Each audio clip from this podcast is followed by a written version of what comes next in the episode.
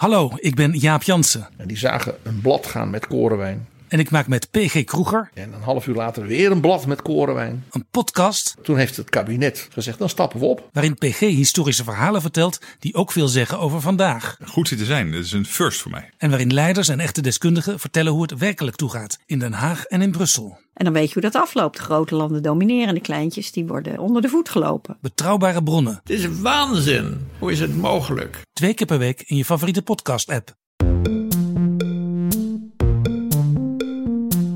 Hallo daar, fijn dat je luistert naar Boeken FM, de literaire podcast van Dasmag en de Groene Amsterdammer. Wij nemen op in de studio van Dag en Nacht Media. Wil je nou nooit meer een aflevering van ons missen? Abonneer je dan nu in je eigen podcast-app en geef ons ook vooral een heleboel sterren en recensies. Dan zijn we ook zichtbaarder voor anderen die ons misschien willen luisteren. Heb je een vraag voor ons of ben je heel erg boos, vooral op Joost?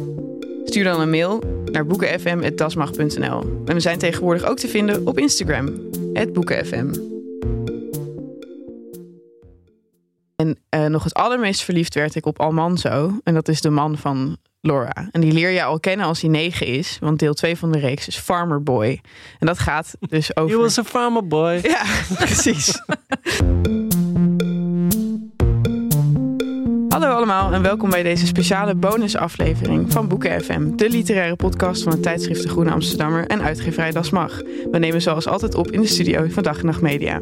Hallo allemaal. Hallo. Welkom aan mijn tafel. Hallo. Ellen, Joost, Merel. Hi, Charlotte. Ik wil altijd graag alsof dit mijn woonkamer is. Ja, Charlotte, echt waar? Nee. Mocht je willen dat dit je woonkamer was. Ja, nee, ik kan niet in Amsterdam wonen. Daar heb ik het geld niet voor. Nee. Het is Ehm, Boekenweek. Het is vanaf vanavond, dus het Boekenweek. En als jullie dit luisteren, zitten we er middenin. Eh, iedereen hier gaat geloof ik naar het boekenbal, behalve ik. Nee hoor, ik ook niet. Nee, Merel ook niet. Merel en ik gaan vanavond op de bank zitten. Ehm, Het schijnt een nieuw seizoen van Bridgerton te zijn. Jeetje, is al twee weken oud, Joost. heb je dat, ik dacht dat jullie dat al helemaal hadden gekeken. Ja, heerlijk. Nou, over eerste liefde gesproken. Dat schijnt allemaal hartstikke romantisch te zijn. Ik heb het nooit gekeken. Maar eh, ja, voordat we beginnen aan onze, aan onze deze speciale eerste liefde special... eh, wil ik nog even sorry zeggen voor iets dat ik in de vorige aflevering heb gedaan. Wat had je gezegd, Charlotte? Nou, dat ga ik natuurlijk niet herhalen. Eh, ik heb een beetje in the heat of the moment een term gebruikt om de stem van Bob Dylan te beschrijven die ik niet had moeten gebruiken. Het is echt een rot woord. Ik gebruik het in het dagelijks leven niet. Eh, maar soms in de podcast laat ik me verleiden om iets te zeggen dat zeg maar grappig en chockerend is. Eh, we hebben er toen in de aflevering eventjes aan besteed, maar niet op een hele serieuze manier. We hebben er toen best wel lacherig over gedaan. Bij nader inzien was dat niet zo'n goed idee. Dus bij deze, sorry aan de luisteraars die dat eh, onprettig vonden. Ja, en laten we het heel veel over woorden hebben, lieve luisteraars, voordat wij deze podcast over eerste liefde beginnen. Want we hebben, onze vorige podcast ging over Vasalis en we hebben een aantal gedichten van eh, de grootmeesteres voorgelezen. En in één gedicht, Drank de onberekenbare, zit en zat, maar het zit er nog steeds, zit het N-woord. Ik zal even de strofen erbij pakken. En wij hebben hier een luisteraarsvraag over gehad, waar ik toch even iets over wil zeggen. En wat gedachten van mezelf en van mensen die hier ehm, best wel zinnige dingen over denken en zeggen mee te het, is een interessante vraag. Bij De Groene krijgen we hier ook wel eens mails over. Van als je Ach, zo'n waar? citaat krijgt, je Ja. gebruikt een citaat. En hoe werkt het dan in een citaat? Nou. Precies, precies. Je hebt op een gegeven moment in het gedicht van Vazalis Drank de onberekenbare de volgende paar regels. In mijn binnenst stampen beesten, snuiven paarden, ruisen bossen, slangen schuifelen door de mossen en stammen, en daarmee bedoel ik dus het N-woord, vieren feest. En vorige keer las ik het voor met de inleiding, met de caution warning van in dit gedicht zitten woorden die misschien offensive kunnen zijn. Ik heb het destijds ook voorgelezen met het woord zelf intact, omdat het bij een metrum hoorde. Maar toen ik van luisteraars hier toch vragen over kreeg, want ze vonden het toch heftig om dat gedicht te horen. Dat woord te horen in een gedicht, weliswaar een gedicht van 1940, toen mensen heel anders nog naar dingen keken. Toen dacht ik van, ja, dit, dit is interessant. En hier moeten we met elkaar over blijven praten en in verbinding blijven. Dus wat heb ik gedaan, jongens? Ik, Nou? heb, ik heb de telefoon gepakt. En ik heb een aantal mensen gebeld die er verstand van hebben en die, ermee, die zich ermee bezighouden. En om te beginnen. Mocht je, dit- luister, mocht je dit on, eh, ongeloofwaardig vinden, Ellen is een van de weinige mensen die echt nog fanatiek belt. Maar echt 30 mensen per dag. Ja, ik vind dat Heel heel veel mensen hebben dat icoontje gewoon van hun telefoon afgehaald. Maar Ellen is echt nog een ouderwetse beller. Fun fact, er is maar één iemand in Nederland die nog nooit is opgebeld door Ellen Dekwits. En- En, dat ben ik. Nee, dat is niet waar, Charlotte. Ik heb je volgens mij wel eens gebeld. Nou, dat was pocket call, maar ik heb het op zich wel gedaan. Maar goed, over het Oh. N-woord, lieve mensen. Ik heb, eh, ik heb met drie mensen hierover gesproken die allemaal vanuit of hun kunst, of vanuit hun achtergrond, of vanuit hun levensbeschouwelijke overtuigingen hier wat dingen over hadden te zeggen. En ik, ik geef het nu aan jullie. Doe ermee wat je wil. Eh, Charlotte doet even een halve liter eh, Heineken open, want die is opgelucht nu. Dit er ook hoge woord eruit is van haar en Bob Dylan. Ehm, ik heb even gebeld met EBC Rauw. Zij is eh, een van de dames van Dip Saus. En ze zei van ja, in een gedicht, als je het voorleest, ik, ik kan zij zei van je moet geen woorden gaan censureren. Dat is onzin. Hm. Maar ze zei wel. Je moet het bijvoorbeeld dit, dit, het N-woord in een ge- ge- geschreven tekst van Versace of wanneer je het gedicht opneemt in een bloem leest en dan moet je het gewoon laten staan, want het geeft een beeld van de tijd. Eh, anders weten mensen nu ook niet hoe het vroeger was, welke woorden men vroeger gebruikte. Alleen zij zou niet het woord hardop bij een voordracht hebben gebruikt. Omdat je daarmee het woord in leven houdt. En omdat het voor sommige mensen gewoon echt een kutwoord is, het N-woord. Echt een heel kwetsend woord. En dat snapte ik. En ik moest zelf denken van, stel je voor als een ehm, dichter een gedicht. Ik was een keertje bij een poetry slam. en Dus zei iemand la la la la la. En, de, en vrouwen zijn gleuven. En ik was de hele dag zo boos over dat woord. Het is, ik vind dat zo'n afschuwelijk woord om vrouwen mee te karakteriseren. Dus dat begreep ik wel. Maar omdat ik natuurlijk aan bellen verslaafd ben, dacht ik, ik ga ook even Karen Amatmoedkrim opbellen. Eh, schrijfster, eh, koloniaal expert. En ehm, zij zei van ja, je moet altijd woorden laten staan, omdat je het een aanleiding is om te gaan praten met andere mensen over het hoe en het wat van het verleden, hoe en waarom dingen veranderen en hoe we ons daar in het heden toe kunnen verhouden. En het blijft Fassades gedicht. En je kan niet in retrospectief ook, ja, wat dat betreft correct zijn. En degene die hier allemaal lijnrecht tegenover staat, is mijn vriendinnetje Tinkerbell, onze eh, kunstenares. Oh, ben jij bevriend met Tinkerbell? Ik ben zo bevriend met Tinkerbell. Ja, Ongelooflijk bevriend met ik Tinkerbell. ben heel bevriend met Tinkerbell. Ik moet wel bij zeggen dat ik het niet altijd met haar eens ben. Die kattenhandtas, ja, dat vond ik toch ingewikkeld. Oh, ik vond dat heel vet. geweldig. Ja? Ja? Echt geweldig van haar. Ze kwam, ze kwam een keer bij mij thuis. Dus ik keek naar mijn cavia. Ze zei ze, ja, dat is toch een te dunne huid om iets van te maken. Dan was het dat ze het niet over jou zei. Weet je wel? Kun je er een tussenjasje van maken? Ja, dat is misschien wel. Miss- Misschien wel. Maar kijk, eh, voor degenen die haar niet eh, kennen. eh, Google haar Tinkerbell. Zij is ooit heel beroemd. Zij, wordt eigenlijk beroemd met kunst die ongemakkelijk is. Dus zij heeft van haar overleden kat een handtas gemaakt om aan te tonen hoe we een dubbele moraal hebben, hoe we met dieren omgaan. Weet je wel, je slacht, je draagt wel de huid van een koe, daar maak je wel een tas van en niet van een kat. Ik heb trouwens, misschien heb ik dat wel eens eerder in de podcast gezegd, ik heb de veganistische optie van die tas voor haar gemaakt. Ik heb namelijk van een Albert Heijn tas een kat voor haar genaaid. Dus ik, ik zei, kijk, zo kan het ook. Dat ook, ja. Zo kan het ook. Goed, wat was haar mening over... eh, Zij zei van je moet juist dit soort gevoelige woorden eh, wel, wel gebruiken. Je moet niks censureren. Omdat je er anders ook niet achter komt wat je, wat je raakt. Wat je, wat je onprettig vindt. En zodat je ook niet weet wat je wel wil. ik weet niet of ik daarmee eens ben. Ik weet niet wat de luisteraar er hiervan vindt. Maar ik denk dat het handig is. Wat al deze drie antwoorden gemeen hebben. Is dat het een continu gesprek is. En ik denk dat heel veel mensen. Je hoort wel eens mensen die heel moe zijn van het hele debat over de fijngevoeligheden van de taal en zo. En je zou haast vergeten dat het niet gaat om statements maken daarin, maar om in gesprek te blijven met elkaar. Ja, ik vind ook dat je dit intelligent hebt aangepakt. Door even wat mensen Thank er, eh, you. erover te bellen. Love this, wederhoor. Maar goed. Ja. Maar voor de luisteraar, het was er eentje die offended was, eh, dan weet je dit ook. Eh, en trouwens ook bedankt aan de luisteraars dat ze ons af en toe wijzen op dit soort fouten. Wij zijn natuurlijk ook eeuwig in gesprek met jullie. Ja. Eh, dus blijf vooral mailen en DM's sturen. Oh, hoe vreselijk Joost het ook vindt. Eh, ik ben er nergens mee. Ehm, goed, in ieder geval. Eh, dan hoop ik dat het nu tijd is om even onze aandacht eh, weer te richten op de Boekenweek. Wat vinden jullie van het thema? Is wel leuk als Charlotte zo'n gastvrouw uh, touwtje Ja, aanslaat. ja, ja, ja. Nou, weet je dat thema, Ik vind het mensen. echt een mooi thema. Wat is het thema ook Het thema alweer? is eerste liefde. En Boekenweek heeft heel vaak thema's gehad als in moeders de vrouw. Nou, dat sloeg ze Dat was heel pijnlijk. Niet heel plank vaak, één keer. Eén keer thema moeder de vrouw en toen sloeg ze de plank spectaculair mis door... Wa- waarom?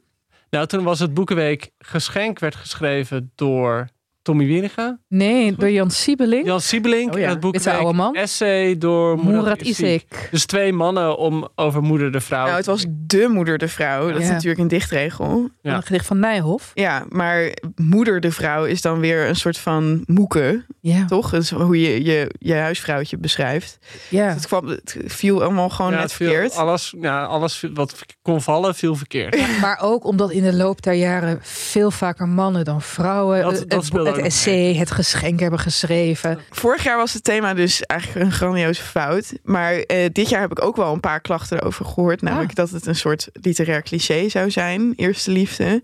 Maar ik dacht juist van, wat, wat, wat is er anders een boekenweek thema dan een literair cliché? Dus Nou, maar Eerste Liefde is, eh, vind ik, een mooi thema. Omdat iedereen hem heeft meegemaakt. En jij, Charlotte, op een dag ook.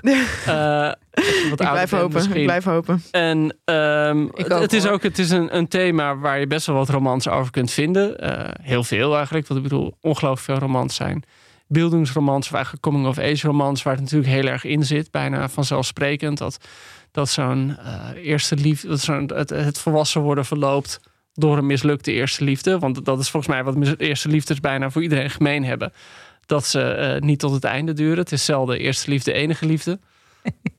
Het, het, het leuke van eerste liefdes vind ik dat daarna, dat met elke liefde, het liefdesleven minder erg wordt. Ja, maar da- da- daarom is de eerste liefde zo- zo'n zo'n big deal. Omdat Ja. je iets meemaakt wat je nog nooit hebt meegemaakt. En je weet nog niet van de eindigheid van alles. Nee, dat is echt Ah, ja, thermobarische raket op je hart is dat gewoon. ik vond het wel ook een goed thema, omdat het uitnodigt om allerlei definities van eerste liefde eh, Ja. te verkennen. Want Wat? ik, Ja. nou, ik, zat, ik zat ook heel erg te denken aan je eerste liefde voor literatuur. Of gewoon verliefd worden op de letteren. Ja. En eh, toen we gingen bespreken wat we voor vandaag dan mee zouden nemen, heb ik het eigenlijk in de eerste plaats zo geïnterpreteerd. Van boeken waar je voor het eerst echt liefde bij voelde. Ehm, en het is, je kunt het zo verdoemd soort van interpreteren. Van eerste liefde is altijd, houdt altijd op. Aan de andere kant is het ook heel erg soort van pril en hoopgevend en jong thema. Van alsof het nog moet komen, eerste liefde. Maar je zou ook Zo. kunnen zeggen dat het wel heel gratuit is. Maar dat zijn ze eigenlijk altijd volgens mij, die thema's van de Boekenweek. En wat maakt het ook uit? Het is gewoon een smoes om een leuk jurkje aan te trekken. De dresscode is eh, dit jaar roze en rood, dus ik kom in donkerblauw. Hebben jullie ooit geschreven over je eerste liefde? Ja, maar niet gepubliceerd. Oh, Nee. dus dit gaat postuum nog een keer tevoorschijn gehaald worden. Nou, weet je, ik ben, ik, ik was het laatst, ik, ik, ik zocht laatst, oké, pijnlijk verhaal, ja, over mijn eerste grote liefde. Oh, ik ga ja. geen namen noemen, maar Ik wist dat jij echt meteen op tafel zou leggen. Ja, leuk hè? ik had, ehm, toen, ik, toen ik 15 was, werd ik voor het eerst echt heel erg verliefd. En dat heeft me jaren gekost om daar overheen te komen. De, de liefde was, is met een paar kussen beantwoord, maar meer of niet. En de rest van de tijd lag ik er gewoon af. En ik had dus een tijd geleden, had ik met Katinka, dus Tinkerbell, een gesprek over eerste liefdes. En... eh, we- we- en het was over natuurlijk de telefoon. En ik zei, weet je, hoe heette jouw eerste liefde? Ik die gas googelen. was een of andere roodhaarige sumo-worstelaar. Echt super bijzonder. En zij, hoe heet jouw eerste liefde? Ik de naam noemen. Blijkt dat al jarenlang een van haar beste vrienden uit haar kunstacademie tijd te zijn. Heel raar Oh. is dat. Awkward, awkward. Maar ik heb hem dus gegoogeld en... eh ja, kut, straks luistert hij dit ook. hij, lijkt, je je googelt? hij lijkt een beetje op Stephen King tegenwoordig. Echt King. waar? Oh. Ja. Oh, dat is kop. Ja, Als je toch? 60 bent. Ja, als je, Ja, hij, is 40. Het is jammer dat ze blijven bestaan. Eigenlijk Ja. zou het zoals vroeger moeten zijn dat ze gewoon doodgaan aan difterie of zo. Maar ik, ben ook wel, ik heb het ook wel eens meegemaakt dat ik echt, een, een, echt zo'n jeugdliefde tegenkom. Kwam op wie ik zo verliefd was. En zo'n Hoe oud? verdrietig, nou ja, eh, begin twintig of zo, mijn studententijd. En dat ik er zo hier, ik kan het hier vandaan zien, het kruispunt. Dat ik er daar tegenkwam, eh, kop van de Kinkerstraat. En zij komt van de ene kant van het, van het zebrapad en ik van de andere kant. En dat je gewoon, hoi, hoi. En dat, dat, is- en dat je er ook verder niks meer bij voelt dan dat. Het is gewoon zo iemand van heel erg van vroeger. Het is toch gewoon raar hoe dat ook weer verwaait. En het punt is, nu weet je dat. Maar als je ja, dat voor het eerst meemaakt, weet je dat gewoon niet. Nee. En dan wil je gewoon een vriend van me, die die zei een keer echt zo heel serieus tegen me. Dat bedoelde hij echt niet misogyn. Maar toen had, had zijn, zeg maar, zijn eerste liefde, zijn eerste vriendin het uitgemaakt. Dat hij zei van ja, ik zou er echt gewoon me- linkerarm voor over hebben als ze gewoon nooit meer een man zou krijgen. Oh ja. Oh ja. Gewoon echt de zin van dat zou wel, je ja. gewoon niet Ja. kunnen verdragen. Dat dat wordt gewoon. aangeraakt door een ander. En, en ik Ja. kom een, eh, ja, die ex tegen met, met twee kleine kinderen bij me en eh, bij haar. En ik denk gewoon. IVF. IVF. Ik denk dat het IVF was. Ja, dat trouwens me. Ze heeft zich nooit meer laten aanraken naar jou, Nee, Joost. nee, nee. En de Charlotte? klinische scalpel van de arts. Jouw, jouw eerste liefde, was het in Amerika toen je nog eh, op de high school zat? Ja, maar ik werd no- ben nooit verliefd geworden op een Amerikaan. Ik vond die gewoon allemaal heel raar. Eh, het was een eh, jongen van een ander expat gezin ook. En eh, we waren supergoed bevriend.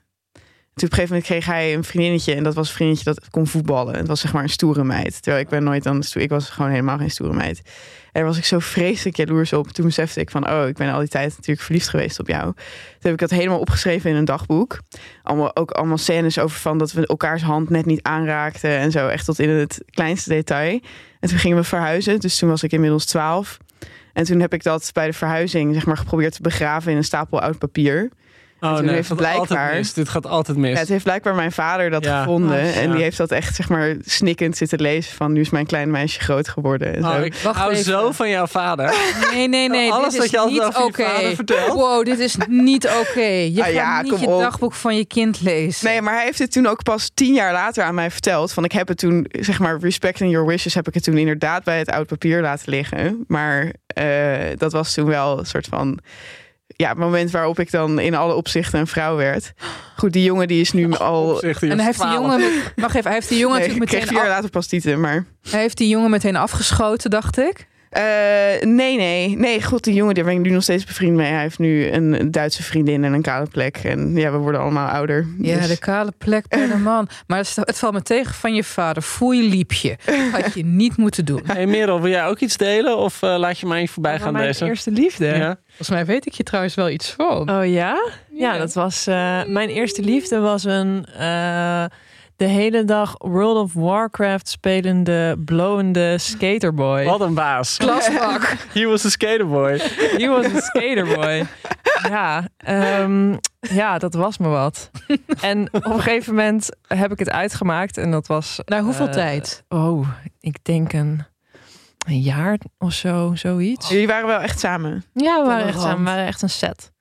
En ehm, we waren een De set. De eerste set. En ik had dus, oké, dit is wel echt. Nou goed, ik ga het wel vertellen. Ehm, ik had het uitgemaakt en hij was er helemaal kapot van. En eh, hij had het ook tegen zijn moeder verteld. En toen had zijn moeder eh, mij eh, opgebeld en die zei. Of nee, zijn moeder had tegen hem gezegd van ja. dan zit het nu zo, dan moet, moet, moet zij nu alle cadeaus die jij aan haar hebt gegeven, moet zij teruggeven. Dat is echt absurd, Merel. En, en alle cadeaus die jij van haar hebt gekregen, eh, ja, moet jij ook teruggeven. Dat hebben we toen dus gedaan. Ik heb echt geen nee. idee waarom. Waar op Op straat? en- Op een parkeerterrein langs de snelweg. Nee, ja, bij, bij hun thuis. Maar wat een kreeg je dan? Een orkmasker van die Oh, Warhammer schildersets. Wat kreeg je van hem terug? Nou ja, het grappigste is wat hij van mij kreeg. Ik had hem dus een flashlight. Ik had hem le- letterlijk, nee, geen flashlight, een kussensloop gegeven met mijn hoofd erop. Dus dat heb jij nu weer. Dus dat kreeg ik toen terug. Nou, Dus die heb jij nog. Ja. Er is nog ergens Dat in moet jij nu in, jouw in jouw inventaris kussensloop. hebben. nou, misschien niet. Misschien heb ik die wel eh, weggedaan. Maar goed, ja, dat was, eh, was een, eh, een bewogen tijd. Maar, eh, dit is dan de vraag, daar zat ik voor mezelf ook na te denken. Wisten jullie meteen dat het liefde was? In de zin van, Nee, weet je, het was Nee. eerste verliefdheid. In mijn geval, kijk, mijn eerste echt grote liefde. Dat ik echt, eh, dat je weet dat je door iemand helemaal wordt gezien. ja, En dat je je toch, ondanks alles, helemaal veilig voelt bij iemand. Toen was ik echt pas 24. Ja. Nee, Ja? inderdaad. dat begrijp ik ook wel, ja. Ik, had toen, ik heb ook toen later pas vriendjes gekregen. En echt verliefdheid, dat was meer gewoon iets om over in je dagboek te schrijven. Ja, of ik, ik heb volgens mij ook wel gehad dat ik dan een paar keer gewoon heel verdrietig was omdat het afgelopen was. Maar dan meer verdrietig omdat het afgelopen was, dan dat ik echt het gevoel had van, oh, nu mis ik iemand die ik zo geweldig vind. Ja. Dat je dan misschien op die leeftijd meer gewoon ermee bezig bent van dat je gewoon een bepaalde chick wil regelen. En Dat was voor jou statusverhogend. eh, Ja, dan dat, of, of dat je daar gewoon heel erg mee bezig bent. Van je wil dat het lukt en dat het gebeurt. En dan heb je iets en dat, dat gaat dan naar een tijdje stuk. En dan dat je, daar was je dan meer mee bezig dan dat het feit dat iemand het gewoon helemaal voor jou was. Hm. Ja, ik herken dat wel hoor. Ja. Dus trots, bezit, het idee van relatie in plaats van de persoon. Ja, dat gewoon heel erg. Ja? Dat je, en dat, dat je ook, zeker omdat je jong bent, gewoon uiteindelijk meer met jezelf bezig bent dan met die persoon Ja. met wie je je verhoudt. Ja, absoluut. Maar dan heb je wel echt een heel volwassen relatie. Of misschien, want ik, ik ken zoveel mensen bij wie het in de relaties ook nog steeds niet echt om de persoon lijkt te gaan. Als ik even heel Ja. naar en eerlijk ben. Ja, ja, Hmm. ik weet het niet. Ik, mijn leeftijdsgenoten hebben doorgaans geen, eh, niet hele serieuze relaties. Dus, Ah. weet niet. Nou, die. En voor mij, ik ga nu gewoon even een bruggetje maken naar, naar wat boeken. Want dan, eh, dat, dan voel ik me altijd om, om- meer makkelijker bij. Ik had Norwegian Wood meegenomen van Haruki Murakami. Murakami. Zeg je dat zo? Murakami. Ja, ik weet Wow. het. Je hebt, ik heb een keer, Das Mag heeft een keer zo'n leesclubfestival ge- georganiseerd. Oh, ja. Was jij ook bij Ellen? Jij denk ik ook ik was meer. ook, ja. En ehm, over het nieuw, een nieuw boek van Murakami. Ja, en de hebben- zeven jaren van... eh, ja, de kleurloze jaren. en, eh, ja, zoiets. Ja, gewoon een ingewikkelde titel. En toen hebben we volgens mij zo'n heel gesprek gehad over hoe je zijn naam nou uitsprak. En bij mij waren toen, ik moest een leesgroepje leiden en er waren twee eh Japans sprekenden bij. En die waar, konden het niet met elkaar eens worden hoe je Murakami uitsprak. Of een Murakami was. Of, Ah. in ieder geval, dat was... Maar jij zegt het nu heel ik zeg gewoon Murakami. Murakami. En ik heb het gekocht op 4 februari 2003. Cute. In Broeze in Utrecht. Wat schattig. Hoe oud En was eh, je toen was ik 19. toen? Wow. En ik weet nog dat ik het... Ik had nog nooit van Murakami gehoord. Eh, Dit is mijn, mijn claim to fame. Ik heb dit al eens eerder opgeschreven. Ik had nog nooit van Murakami gehoord. Hij was toen nog niet vertaald in het Nederlands. Of misschien een paar kleine boeken. Maar hij had al absoluut nog geen succes. En ik pakte toen dat boek heette Norwegian Wood. En ik hield wel van de Beatles. Dus ik denk, nou, waar gaat het over? En toen las ik waar het over ging. Namelijk over Toru Watanabe. Die eh, in 1968 op een universiteit zit in Tokio. En verliefd wordt op een meisje. En dat is allemaal moeilijk. En toen dacht ik, hé, hey, dit ken ik. Ik, zit, ik ben ook twintig. Ik zit ook op een bijna twintig. Ik zit ook op een universiteit. Ik vind het ook allemaal moeilijk met meisjes. ik hou ook van de Beatles. Dus ik dacht van, op een bepaalde manier was het gewoon meteen dat ik dacht, laat ik het maar kopen. Wat lief. En het fijne is dat ik toen dat boek ook jarenlang aan iedereen die ik kende cadeau heb gedaan. En ik bedoel, dit is gewoon natuurlijk een beetje zo. Dit is jouw factor. Ja. Als het een cadeauboek is, dan is het goed ja, geweldig. nee, maar, maar het is, ik wilde eigenlijk iets, iets ijdelers over mezelf zeggen. Of tenminste, Graag. Het is natuurlijk ook Bourdieu. Van, van, ik gaf het boek jarenlang gaf ik het cadeau aan mensen. Totdat Murakami heel succesvol was. En dan ga je het niet meer cadeau geven aan mensen. Want dan heb je zoiets van, ja, nu geef ik gewoon iets voor de hand liggend cadeau. Je wilt toch altijd onderscheidend zijn in de boeken die je aanbeveelt. Mag ik vragen ook. wat, jij nu, eh, wat nu jouw cadeauboek is? Ah, ja, ik geef eigenlijk alle bundels van Ellen altijd. Ja, ja. Ik geef altijd mensen een knuffel tot ik besef dat het heel cliché was. En nu geef ik ze een klap. ja, bam. Ja. Ehm, maar wat, wat, er, wat er zo lekker aan dit boek is, is dat het, het vanaf het begin af aan weet je gedoemde liefde. Het begint gewoon over iemand die 37 is, in een vliegtuig zit en opeens overvallen wordt door zo'n gevoel van melancholie en nostalgie en dan denkt aan Naoko. Ehm, wat ik bijzonder vind aan het boek is dat het van begin tot eind heel melancholisch is, zonder depressief te zijn. Het is een soort van gevoel zit erin dat er iets verloren is gegaan, maar dat je het wel hebt overleefd. En er zit bijna een soort hoop in het verdriet, op een gekke manier. Misschien klinkt dat een beetje tegenstrijdig. Maar en het, het is het verhaal, hij krijgt het met een meisje. Het meisje was eerst eh, de vriendin, Naoko was eerst iets, eh, was eerst de vriendin van zijn beste vriend. Eh, die, heeft, die is uit het leven gestapt, want eh, ja, Japan en dat is, dat, hè, dat, dat, dat is daar natuurlijk, ja, hoe moet je dat zeggen? Nou, Komt veel voor in Japan. ja, dat is wel gewoon een het, feit. het, het is in Japan Zelfdodingscijfers. heeft een ongelooflijk hoog zelfdodingscijfers. Dat is echt bizar en verdrietig als je erover nadenkt. En die Naoko zit eigenlijk ook in een depressie. En er zijn gewoon een paar momenten waarin zij daaruit komt met hem. En hij wil gewoon dat dat het leven is. Gewoon die momenten dat de wolken voor de zon eh, wegtrekken. En dat ze daar gewoon vrolijk samen kunnen zijn. En dat zit er gewoon niet in. En hij weet dat eigenlijk op een bepaalde manier wel. Maar hij blijft er naar zoeken. En hij blijft erin vastzitten. En eh, het gaat ook gewoon over vriendschappen. En hij, hij zit op een campus. En er zitten een paar andere rare studenten bij. Sommigen zijn heel glad. eh anderen zijn juist ontzettende nerds. En hij is wel, denk ik, in de kern van wie hij is... een ontzettende eenling. Dus zoals alle Murakami-personages. Eh, iemand die gewoon liever thuis The Great Gatsby leest... en pasta kookt en muziek luistert. Daar vond jij jezelf ook wel in.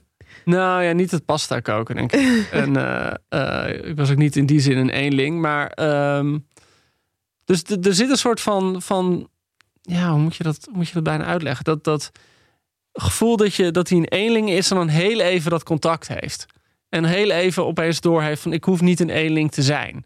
Oh, ja. Maar dat hij daar niet aan Ja. toe komt, omdat het toch de hele tijd tekort is. En die Naoko die gaat op een gegeven moment ook weg en die, die gaat in een soort retraite, eh, een soort van sanatorium, trekt zich terug om, om gewoon te herstellen. En ehm dan zoekt hij erop, maar dat gaat ook niet makkelijk. En ondertussen is er ook nog een ander meisje, Midori, die juist exact het tegenovergestelde is. Heel vrolijk. Oh, en het is een heel thema trouwens in Murakami's werk. Dat kom je vaak ja, tegen ik bij hem. bedoel, Ja. kijk, bij Murakami kom je alles kom je in heel veel van zijn boeken tegen. Dus een beetje zo'n manic pixie girl die Ja. gewoon alleen maar leuke dingen met hem doet. Stoorde En handjobs geeft en zo. En, Oh, nice.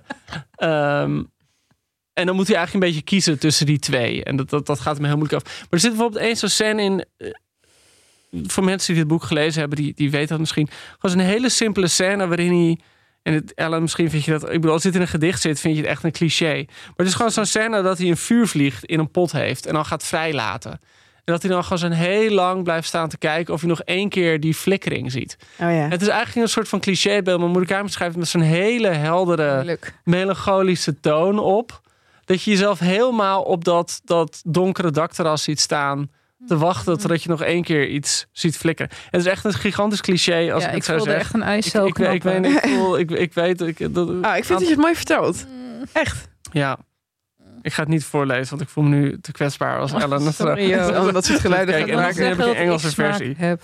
Ehm, nou goed, het is gewoon heel erg dat verlangen zit erin. Dat nou. was mijn eerste liefdeboek waar ik aan moet denken. En het ook- speelt misschien ook wel mee, maar dat moeten jullie zomaar ook vertellen bij jullie boek hoor. Mhm. Het, het heeft er ook natuurlijk mee te maken dat ik die leeftijd was. Mhm. En dat je jezelf zo één op één associeert met dat personage. En ehm, dat, dat zo'n personage zijn eerste liefde meemaakt. Terwijl jij zelf ook net een beetje dat soort dingen aan het meemaken bent. En is dit ook meteen jouw lievelings Murakami boek? Dit is echt nog steeds altijd mijn lievelings Murakami boek. En het is ook zo'n boek dat ik best vaak heb herlezen, ook sindsdien. En ehm, ja, nee, dat, dit, dit is by, by far. En het gekke is, het is een, een atypische Murakami, want er zijn geen sprekende katten. Ja, en ik wilde geen, net zeggen. geen als- andere ja. dimensies. Eh, maar voor mijn gevoel is dit dus echt het sleutelwerk van Murakami. Omdat dat personage dat in zoveel van zijn andere boeken zit, zit hier eigenlijk eh, ja, helemaal helder erin. Wat- Ik weet nog dat ik als het dood was, dat het vertaald werd ook. Nou, Opeens dan- was dan was echt mijn geheim was dan weg. Toen het in het Nederlands uitkwam. Wat Dat zoet. ik echt zo te denken van, oh mijn god. En toen vond iedereen het geweldig. Het heeft ook echt iets van 50.000 exemplaren verkocht in het Nederlands. Dat, eh, de, de Nederlandse editie. Wat zijn jullie lievelingsboeken van Murakami? Lezen jullie hem wel eens? Nee, ik heb dus nog nooit wat van hem gelezen, omdat ik, dacht, omdat ik te- niet tegen die fantasy dingen kan. Oh ja. Merel? Bij mij ook Norwegian Wood. Ja. En eh, Kafka op het strand. Ja, bij mij ook. Bij mij is dat nummer 1 Kafka op het strand. Ja, ik vond de opwindvogelkronieken ook wel geweldig. Niet, die heb ik niet gelezen. Ja, nee, nee, maar, nee, maar Kafka op strand is inderdaad ook echt heel grappig. Prachtig. Wanneer is iedereen Maar leg het denk je goed uit, Merel, dat eh, Norwegian Wood? Of is er is er voor jou iets anders dat is bijgebleven?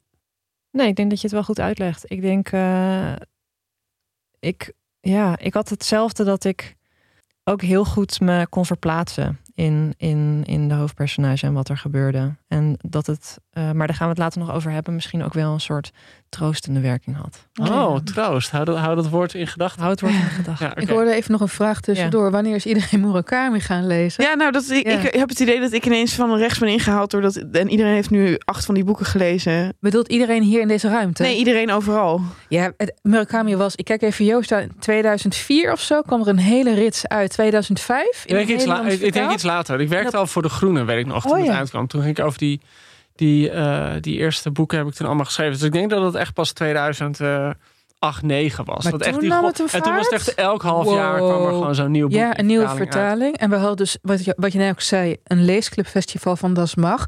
En eh, ik had een club eh, waarin we het ook over Kafka aan het strand hadden. En er zaten dus mensen bij. Normaal met een leesclubfestival, dat zijn toch ja, met mensen van middelbare leeftijd. Veel dames, bibliothecaressen. En dit waren mensen, eentje die was advocaat voor SBS 6, voor de rechtenafdeling. En de andere die zat in de bouw. Het, wa het was zo gemêleerd gezelschap. Ik weet nog heel goed dat we dat, dat als mag had bedacht dat, je, dat we allemaal een fles sake op tafel hadden. Ja. En wie een vraag goed beantwoordde, ik begon er altijd met zo'n quiz, die mocht een shotje, een shotje sake doen. En er was toen zo'n jongen, En die had gewoon vijf vragen achter elkaar goed. Dus die was de ene sake naar de andere aan het atten. En toen dacht ik, goh, die, hij is- hoe oud zou die jongen zijn? Dus ik zeg, hoe oud ben je eigenlijk? Want ik moest dat gesprek luisteren. Zei die, ik ben 14. Oh, nee. Oh, nee. Sake.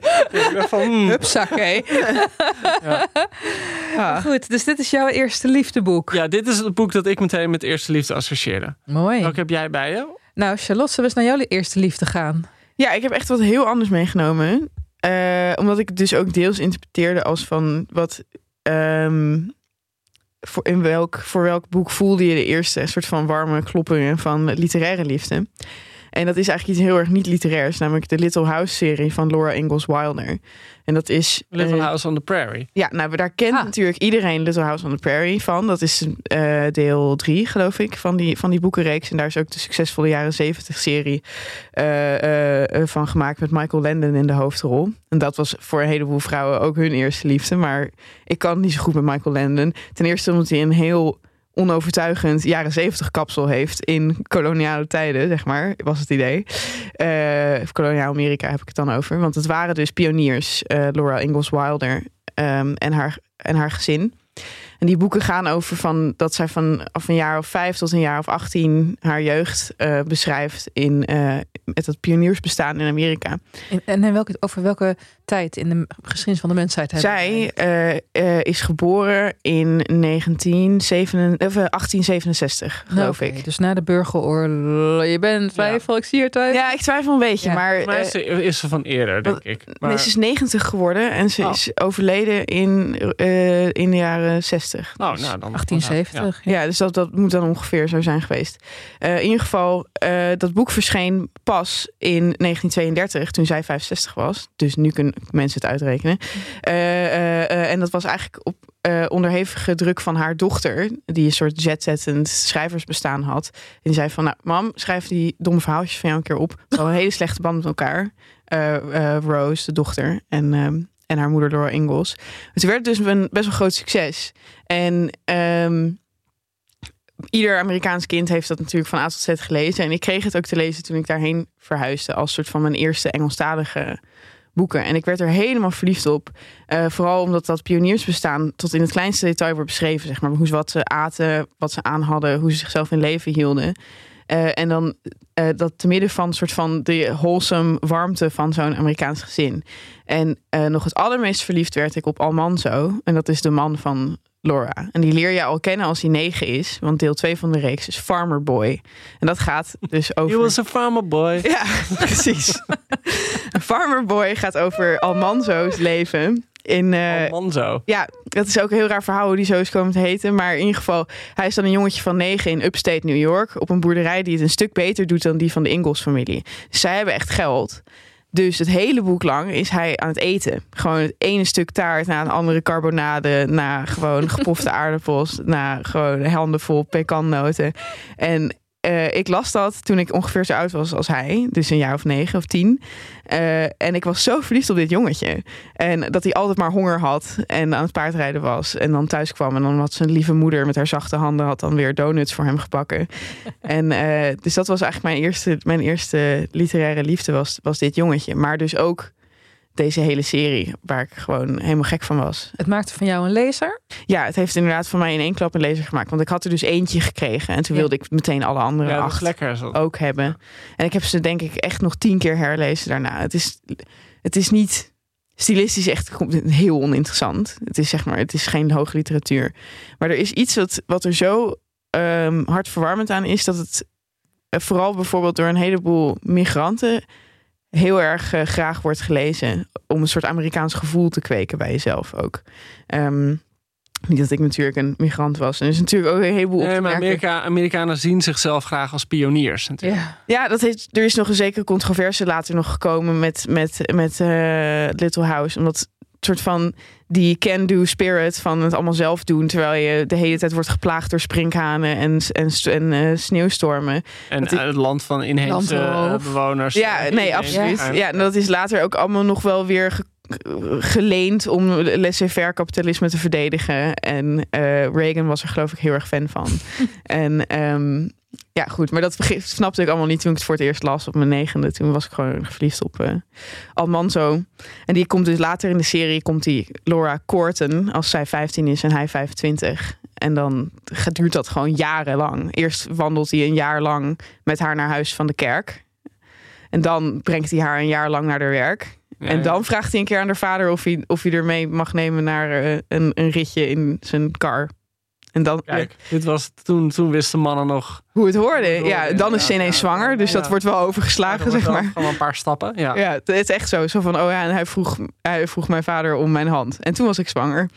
Dus het is wel heel braaf allemaal verder. Geen erotiek in, eh, in Little House. Maar ik vond hem, dus hij wordt wel het beschreven als een soort van swarthy. En eh, hij is heel sterk. En hij gaat dan in de sneeuwstorm graan halen voor iedereen. Dus ik, nou ja, goed. Ik was helemaal gek van Alman zo. Echt hoe je hoe Charlotte pakken krijgt. ja. Lekker in de sneeuwstorm. ja, maar goed. Ik kan hem nog steeds iedereen van harte aanraden. Zeker als je kinderen hebt of zo. Dan, dan is het, ja, we zijn er inmiddels te oud voor. Maar dat was echt Ja. fantastisch. Destijds. Destijds. Ja. Oké, dit was jouw eerste liefde. Hadden we vragen? Ja, we hebben, we hebben een vraag. Namelijk van Twan. Twan? En Twan? Twan... Huismans? eh, Twan, die jullie misschien wel kennen van eh Das Mag. Twan Donk! Ja. En hij heeft een berichtje voor ons ingesproken. Ingesproken. Gaan mensen nu ingesproken berichten sturen? Ja, dat hij geen handen leuk. meer? Dat is handig voor mij. Dan kan ik het Ja. gewoon... eh, Oh god, wat vinden jullie van voice memo's? Af. Ik word- Oh, ik word er heel Bel gek gewoon. van. Ja, Ja, om het- het gewoon, ja, om ermee te ja, gewoon op WhatsApp, in WhatsApp mensen bedoel die je? een voice memo sturen. Ik vind dat heel intens. Ja, ik doe dat wel eens. Als ik geen zin heb om de hele tijd zo typen, typen, typen, typen. Ja, maar dat straalt zo vanaf. Zo van iemand wil me iets berichten, maar wil niet de moeite nemen om iets te typen. En ook om de boodschap in te korten. Ik heb een vriend die mij regelmatig gewoon een voice memo van twee minuten stuurt. Waar gewoon in staat van: hey, wanneer zien we elkaar weer? Zeg maar verder niks. Ja. Sorry Merel, ik, Ja, jij stuurt mij ook wel eens voice memo's die ik met liefde open. Dat heb je een paar Thanks. keer gedaan, maar het is heel vervelend. Ah, Twan, met die van jou zijn we wel heel blij. Ja, ja, Eh, laat maar horen. Twan. Twan. Lieve Charlotte, Ellen, Merel, Joost. Hier een bericht van Twan uit Frankrijk. Terwijl ik door het bos loop met twee honden. Misschien gaat hij graan halen. Ik ehm, moet iets bekennen. Ik heb de afgelopen twee jaar eigenlijk niet naar Boeken FM geluisterd. Top, Twan. Ehm, de reden is ja, dat toen ik emigreerde, ik wel enige behoefte had aan afstand tot de Nederlandse letteren. Is hij net wakker of zo? Maar deze week kwamen jullie langs in mijn podcastfeed en ik dacht, ja, ik heb gewoon weer zin om naar jullie geouwe hoer te luisteren. En eh, meteen bij het begin van de aflevering moest ik glimlachen. Het kwam door de begintune. Ik was helemaal vergeten dat ik deze ooit had gemaakt. How can I make? En het is heel fijn dat zoiets Typisch, nog voortleeft in je afwezigheid. Net zoals dat natuurlijk voor de podcast geldt. Die Sorry toch. ja, eigenlijk meer levend is dan ooit. Ook meer liefdevol. Complimenten daarvoor, Charlotte. Hey! En ehm, Oh, kijk hoe blij het is. in, in een van de afleveringen die ik luisterde, eh, was een bericht van een zekere Walter uit Zweden. Die vertelde dat hij zo graag naar jullie luisterde. Omdat jullie zo uitgebreid en intiem kunnen ouwe hoeren over boeken. En dat hem dat eigenlijk niet lukte eh, met eh, de mensen die hij kent in Zweden. En nou ja, voor als een mede-emigrant was dit zeer herkenbaar. Het, ehm, het leven hier kent vele heerlijke aspecten. Met de zingende vogels. Ehm, het begin van het tuinierseizoen. Tuinier. Hij is zo eenzaam. Oh, maar Het buiten Zo eenzaam. kunnen eten. Ik ga dood. Maar er zijn ook nadelen en sociale isolatie is daar de duidelijkste van. En eh, ik vond het heerlijk om jullie stemmen weer te horen. En nog veel fijner is ehm, om jullie op te zetten in de auto. Hier steekt even wat wind op. Eh, het is nog fijner om jullie op te zetten Jezus, in de auto als ik ehm, onze dochter van nog geen twee jaar ophaal van de crash. Oh. Ehm, zij kent Ellen's stem, heeft ze wel eens gehoord. Eh, die van Joost niet. En op deze manier kan ze jullie stemmen leren kennen. Wat ik een hele vrolijke gedachte vind. En troostrijk op eh, ja, de eenzame momenten die hier ook wel eens zijn. En daar wilde ik jullie een vraag over stellen. Eh, namelijk, welk boek is voor jullie troostrijk? Ehm, ik zeg alvast, Harry Potter mag niet genoemd worden. Oh, eens. Maar eh, ik ben zeer benieuwd naar jullie antwoord. Ja, ook naar jouw antwoord, Merel. En eh, ik stuur jullie veel liefs vanaf het Franse platteland. Oh, voor Twan! nou, lieve Twan uit Frankrijk. Ik heb het idee dat hij nu nog steeds door dat bos aan het dwalen is. Oh, hij is nooit meer de weg naar huis lief. gevonden. ik. Maar ik mis hem nu ook. Oh, Twan is zo'n schatje. Jaren... Nou, als je het over liefde hebt, Twan, mag ik dit vertellen? Ja, je mag dit vertellen. Nou, top. Jaren geleden, toen Twans, een van Twans relaties uitging... Althans, hij is mo- monogaam, maar het was een relatie die uitging. Toen heeft hij een jaar lang... Nou, keek je mij daarbij aan. Rectificatie. toen, toen, heeft hij ongeveer een jaar lang bij mij op de bank gewoond. Om, en, en hij heeft gewoon die hele relatie... Hij heeft hem letterlijk eruit gepraat. Dus tegen mij, bla bla bla bla bla. bla. En denk hij ik- genast zichzelf volgens mij echt een beetje via woorden. Dus Ah. oh... Frans stond er wel echt bekend om dat hij altijd bij iedereen op de bank sliep. Volgens mij woonde Ja. hij ongeveer ook bij Marcia in huis. Ja. Op een gegeven moment van Das Mag. We moeten dus erbij zeggen, dit is dus Twan Donk, een van de oprichters van Das Magazine en Das Mag. Die inderdaad volgens mij ook degene is die de keer tegen jou en mij eh, heeft gezegd, Ellen, van jullie moeten een podcast gaan maken. Ja, Echt waar? Ja. Dat intro-tune heeft Twan ook gemaakt. Ja. inderdaad. Dit is jullie origin story. En hij, Ja. dit is onze origin story. En hij heeft mij en Ellen bij elkaar gebracht. En toen het eerste wat hij gedaan heeft, is gewoon zijn koffers pakken en naar het platteland van Frankrijk eh, vertrekken. Ja. En, maar in het begin kregen we ook nog wel eens, als we dan een aflevering hadden gehad, kreeg je een, kregen we een mail van Twan. En er stond er dan bij, dit moet beter. En dan kregen we gewoon zo'n hele lijst met punten die we volgens hem verkeerd deden in de podcast. Met dingen als in, je moet beter articuleren. En minder Concentreren. monotoon spreken. Geen huh. Ja, niet in de buitenlucht opnemen. Goed, hij is dus op zoek naar troost. Ja, Ehm. Dat is zoveel mensen, denk ik. Ik vind het wel opmerkelijk. Je hebt nu een heel mooi boek. Dat is bij Cossé verschenen van, Miguel, van Michael Ignatieff. Een Canadese intellectueel, filosoof. Dat heet ook Troost. Dat is echt een enorme bestseller. Dat gaat ook heel erg over hoe hij eh, in kunst vooral, maar ook in filosofen eh, troost vindt voor deze tijden. Want het zijn natuurlijk echt... Ik bedoel, we hadden van de week een redactievergadering. En toen hebben we echt twee uur zitten praten. En toen viel er echt zo'n stilte. En toen zei iemand echt van... Jezus, het is toch somber allemaal.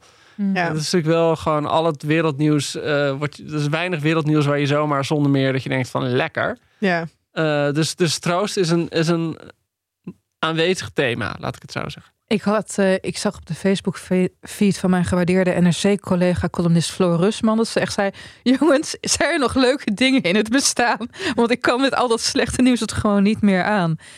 Ja, weet je, met troost, lieve Twan. ehm, het is natuurlijk een cliché dat literatuur geneest en heelt, maar het kan je wel afleiden.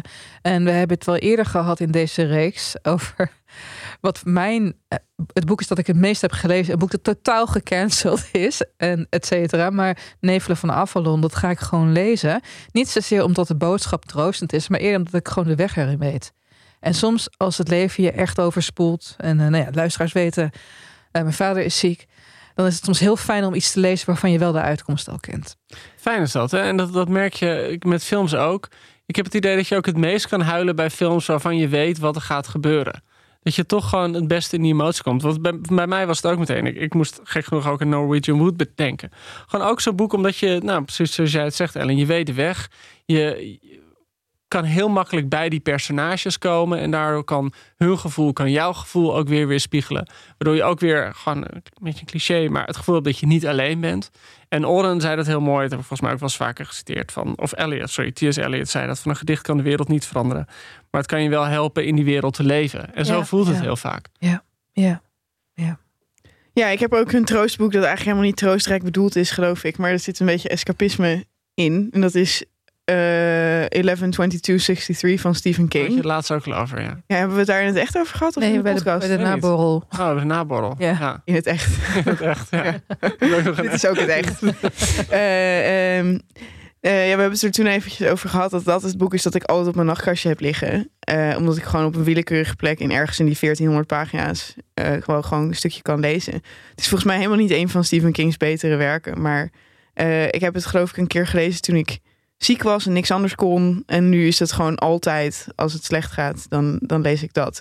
Ook omdat het gewoon helemaal niet echt ergens over gaat. Het gaat over een man die in de tijd kan reizen door een Ja. of andere eh, soort van foutje, weeffout in het universum, komt hij dan in de jaren 50 terecht.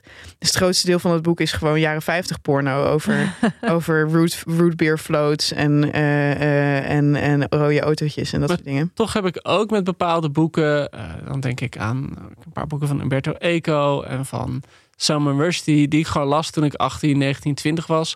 En als ik ze dan nu weer erbij pak, dan voelt het ook alsof je weer even teruggaat in die tijd. Ja, ja. Ja. Naar jezelf van, van die tijd. En ik bedoel, eh, niet, het helemaal nostalgisch maar ik zie mezelf gewoon nog inderdaad op die studentenkamer zitten naast zo'n gas, gaskachel. Ik had een, een Poang van Ikea, de lekkerste stoelen die er zijn. Eh, geen sponsored content. Maar eh, als Ja, Ikea ons trouwens wil sponsoren, dan staan we er wel echt voor open, denk ik. Ja. Maar, en dan zat ik naast zo'n gaskacheltje en die kon ik zo hoog zetten dat het eigenlijk pijn deed aan je huid. Maar dat was tegelijkertijd heerlijk. Het is gewoon zo precies de juiste vorm van pijn. En dan zat ik gewoon echt, ja, want ik was student en in, die tijd kon je nog gewoon niks doen als je studeerde. Dus ik gewoon de hele dag gewoon zo'n boek te lezen. Hey, maar heel even dan, welke, met wel- welke boeken van Salman Rushdie heb je dat dan? Eh, ik had het heel erg met The Ground Beneath the Feet, Joost, wat- Shalimar the Clown, Ja. ehm the, Moore's, the, Moore's, the, La- the Moore's Last Sigh. Ja. Eh, de With My Children ook? Ja, nee, dat was gek genoeg. Van, had ik daar dan weer minder mee. Ja, raar, want dat hoort zijn beste boek te zijn. Maar opeens had ik er daar de wat Boeker minder der mee. Boekers Ja, gewonnen. ja, en wat ik altijd deed, want ik had echt geen geld in mijn studententijd. Ik had echt niks. Ik had echt gewoon een pot met Je kleingeld. bedelde. Ja, ik was net niet aan het bedelen, maar ik had een pot met kleingeld waar ik dan muntjes in bewaarde. Ja. Eh, en daar moest ik dan op een gegeven moment boodschap. En op een gegeven moment had ik, en dan ging ik met van die muntjes van 20 cent. Ja. En dan kocht ik eh, een zak euro shopper drop van een halve kilo, want die was 50 cent. En dat was dan mijn eten die dag. Nee. Ja, ik bedoel, het klinkt alsof het Dickens is. Ja. En daarna ontplofte je buik. Want ja, gewoon... Dat is vet laxerend, man. Ja, dat was ja, daar, kan ik je, daar kan ik je echt een hoop over vertellen. Dus- en eh, Nee, maar ja, nee, echt zo'n enorm zak drop. Zo'n lekker zachte, zoete drop. Gadverdamme.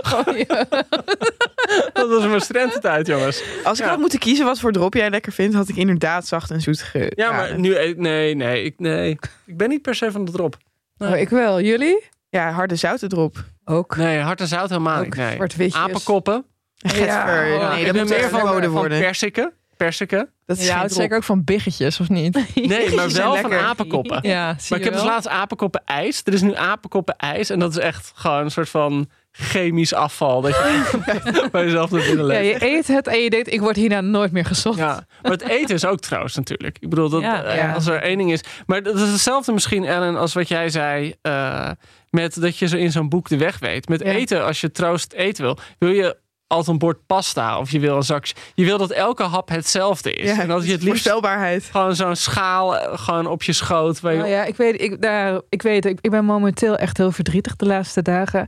En ik moet mezelf echt dwingen te eten. En zelfs de dingen die ik heel lekker vind, krijg ik, ik krijg Oh, het gewoon krijg niet doorgeslikt. weg, ja. Ik krijg het niet doorgeslikt. Oh ja, ik ben wel een, een verdrieteter. Ja. Oh, echt? Ja, ik kom altijd echt 10 kilo aan als het slecht gaat. Liefdesverdriet ook een verdriet? eh? Ja, al het verdriet. Ja, ik ben echt een propper. Wow. Goed voor jullie om te weten. ja. Emotionele Eh, Hey Merel, heb jij ook nog een tip? Want jij kent Van natuurlijk ook. kent van, eh, ja, ik kent van ook.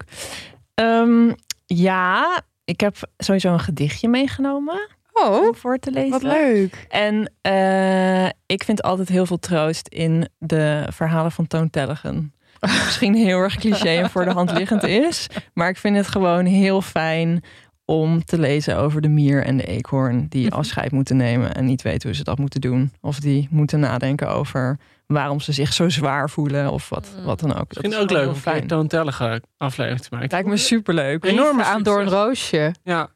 Ja, die, maar die boeken over de mier zijn ook enorme bestsellers. Gewoon zo van die, van die steady boeken die gewoon Ja, en de egel. lezen worden. Ja, de Ja. egel. En hij is internationaal als dichter echt enorm eh, gewaardeerd. Want hij staat dus ook in een hele beroemde en veelgelezen poëzie anthology Staying Alive van Neil Astley. En dat is zo'n anthology dat je Meryl Streep op de voorkant. Dit is de beste anthology ooit. En Maya Farrow, lees dit. En er staan dus twee gedichten van Toon Tellige in. Yes. Leuk. Ja. Maar welk gedicht heb jij? Ja, ik heb eh, een gedicht van C.O. Jellema. Ja. Oh, Eh, en eh, ik heb dat gedicht thuis ingelijst, omdat het een soort van reminder is voor mezelf. En, eh, om soms gewoon heel rustig aan te doen.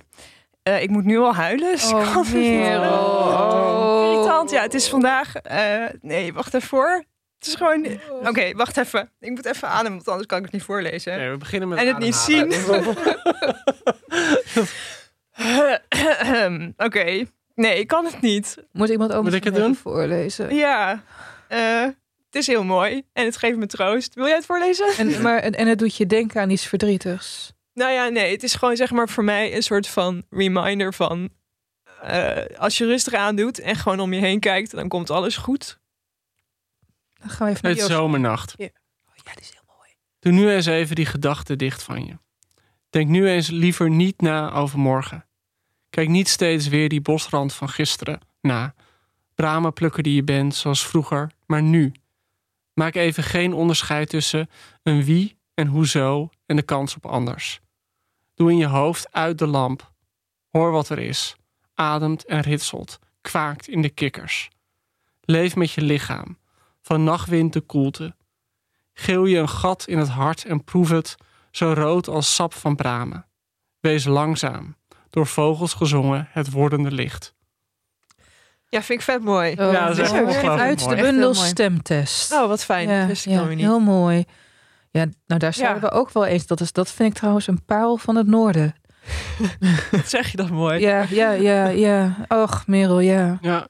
Ik heb ook al een paar van die gedichten die ik ook al elke keer als ik een nieuwe agenda heb, schrijf ik die gedichten erin op. Oh, Het is wel weer zoet, Joost. Echt, heel zoet. echt heel Een ontroerend. hele zoete jongen ben ik gewoon hoor, van Cavavis en zo en eh, Oh, ja. dat soort dingen. Ellen Dekwits. Ja, Ja. Dekwits. Ja. Nou, ik moest namelijk zo huilen omdat het de sterfdag van mijn moeder is vandaag. Dus niet denken dat ik soort van heel labiel de hele tijd... Nou, dat zit ik Nou, ja, zo verwarrend. eigenlijk Mail gaat elke aflevering huilen. Maar vandaag elke keer weer een uitknippen. excuus. Oh. Maar eh, nee, oké. Dus eh, nou ja. Nou, lief gecondoleerd. En ja, dankjewel. En Mie. Ja, Mie. Ja, Ja. goed. En bedankt voor het mooie gedicht. Het is echt, echt heel mooi. Ja, dus het heet Heel mooi. eh, Zomernacht. Van C.O. Jellema. Ja. Nou, dat ga ik nu ook in mijn agenda schrijven. Nee. Mm. In je poesie album.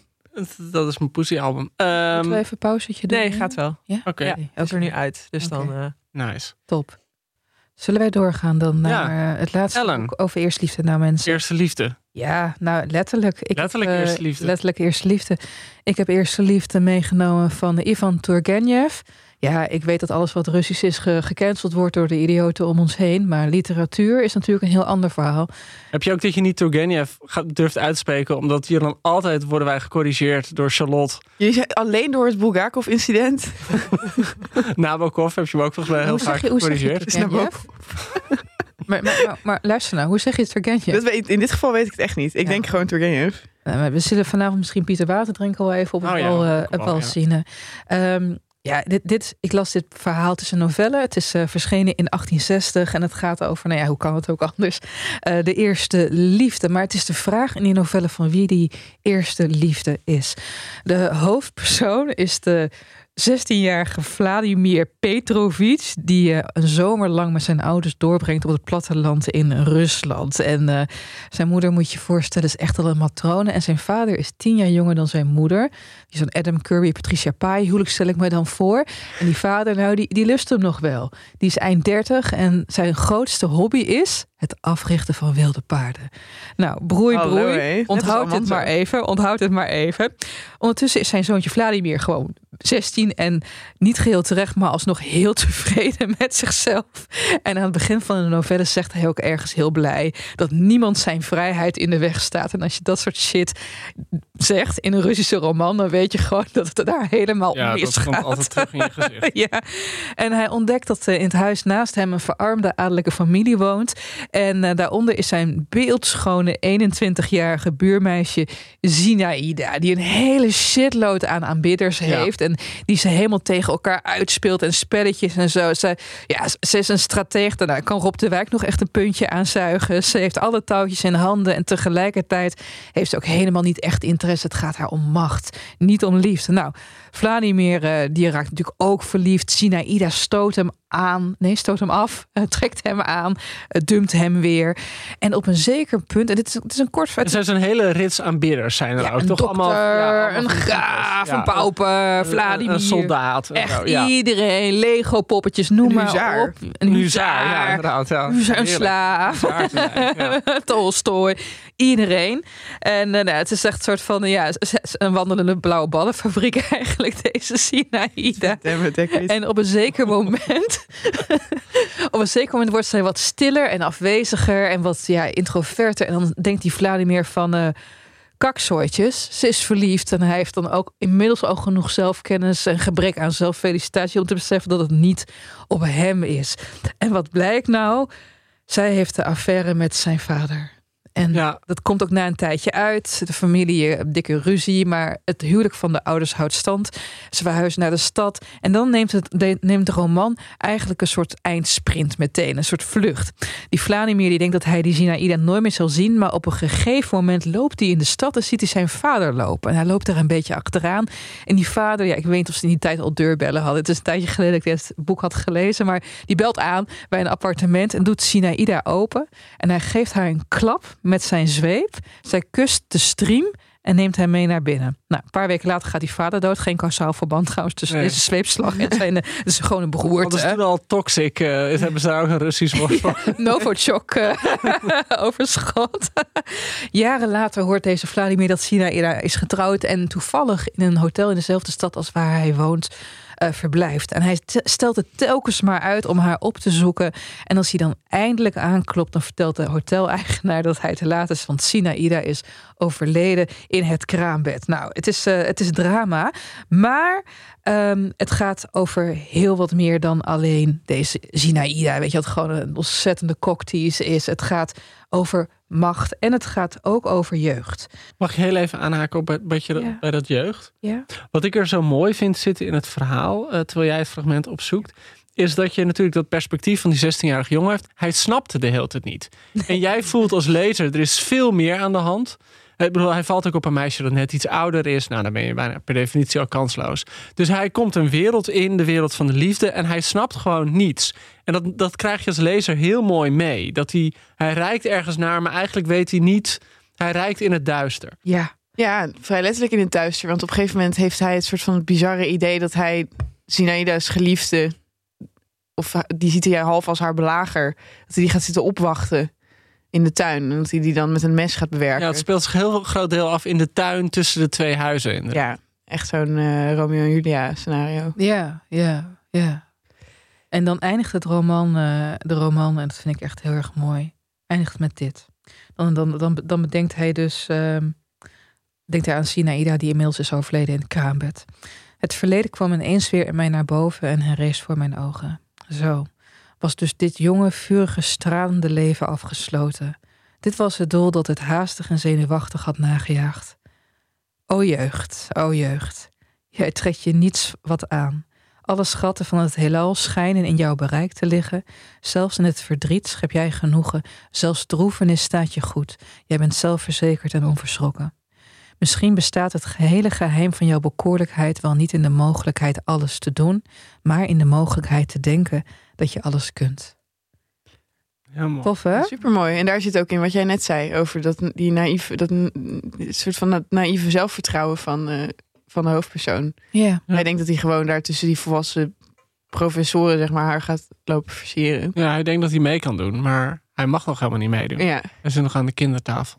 Ja, en hij heeft misschien ook niet de persoonlijkheid om mee te doen. Want die vader is dus een soort, ja, ik weet niet wie van jullie Lord Fl- eh, Blackadder wel eens heeft gekregen. Ja, ja, natuurlijk. Ja. een soort Lord Flashheart. Lord ja. Verliefd op zichzelf, weet je, gewoon en al testosteron, dol, dol op alles wat met hem te maken heeft. En wa- wat mij opviel bij deze novelle is dat er hier twee typen mensen in de liefde worden geschetst. Je bent of een winnaar, en dat wil niet zeggen dat je een meisje krijgt, et cetera, maar dat betekent dat de mensen achter jou aanlopen. Of je bent de verliezer, en dat betekent dat jij achter. Ja, de mensen- smekeling. Dus Ja, maar dat, ja. daar heeft zij het op een gegeven moment ook over. Ik vond het namelijk interessant wat je net zei. Dat als iemand zegt van dit gaat mij nooit overkomen in een Russische roman. Dan overkomt het diegene natuurlijk twee uiteraard. pagina's verderop. Ja, maar eh, eh, eh, want, want Sina zegt op een gegeven moment ook eh, eh, van eh, ja, maar ik voel me dus nooit overheerst of machteloos of zo. Ik voel me, ik heb altijd de macht in handen in al die relaties en daarom ben ik nooit verliefd. Ik wil gecontroleerd Dus ik wil pas als ik echt een keer zeg maar, Ja, in iemands controle De ben. vader die wilde paarden termt. Natuurlijk, Oh. ja. ja, precies. Dus het gaat voor haar ook heel erg over van ik kan pas verliefd worden op iemand als ik me machteloos voel. André Asiman, dat is de schrijver die Call Me By Your Name heeft geschreven. Die heeft een bundel geschreven of zijn aantal korte verhalen... die wel allemaal over hetzelfde persoon, persoon gaat. De Enigma-variaties. En het eerste verhaal heet Eerste Liefde. En er is ook een hervertelling hiervan. Oh. En dan een soort homoseksuele variant. Dat is bijna nog mooier dan deze variant. Het gaat dan, het speelt zich af voor een gezin die, die volgens mij op een Italiaans eiland woont. En de, de eerste liefde is dan niet een, een, het 21-jarige meisje, maar een kastenmaker. En er zit één scène bij die gewoon zo prachtig is. Waarin die man gewoon eindeloos wordt beschreven hoe die een kast maakt. En hoe die dat hout, hout schaaft. En gewoon in puur de, die handeling van het maken van zo'n meubel is al, daar zit alle liefde al helemaal in. En wat, wat ook nog heel mooi is, en dat zit hier natuurlijk ook een beetje in, dat de jongen zelf niet doorheeft dat hij verliefd is. Oh ja. Dat is ook nog zo'n zo'n mooie toevoeging Ja. eraan. Hij heeft zelf gewoon niet door. En, en jij leest het. En als lezer weet je altijd meer.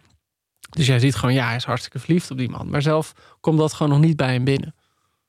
Was er nou ooit echt romantiek tussen de hoofdpersoon en, en, en Sina? Op een gegeven moment, dit is echt zo'n toxische chick. Op een gegeven moment zegt zij, ze zit ze op een muurtje en zij spring van mij van het muurtje af. Nou, hij springen helemaal totaal los. Oh ja, hij gaat, hij gaat echt nokkie. Ja, hij doet ja, ja, ja. En zij dan, oh, het spijt me zo erg. En dan geeft ze hem allemaal kusjes op zijn hoofd. En dan lijkt het heel even, weet je wel. Kijk, maar dit, dit is een totaal destructief persoon, deze Sinaïde. Dus als zij... Zij wordt opeens gecontroleerd in dat ene moment, denk ik, door de verantwoordelijkheid die zij heeft in de destructie van deze arme Vladimir. Maar het is nooit gelijkwaardig tussen die twee. Er is niet eens een die twee. Nee, maar ergens zit dat natuurlijk, staat dat natuurlijk centraal in iedere eerste liefde. Is dat je ook beseft voor het eerst wat je zelf teweeg kunt brengen in een ander. Oh, mooi gezegd. Mooi, mooi. Ik, wa- wat mij bij mijn eerste liefde trok, trof, was opeens de eenzaamheid van liefde. Dat jij in je eentje iets voelt, je in je eentje op een bepaalde manier tot iemand verhoudt.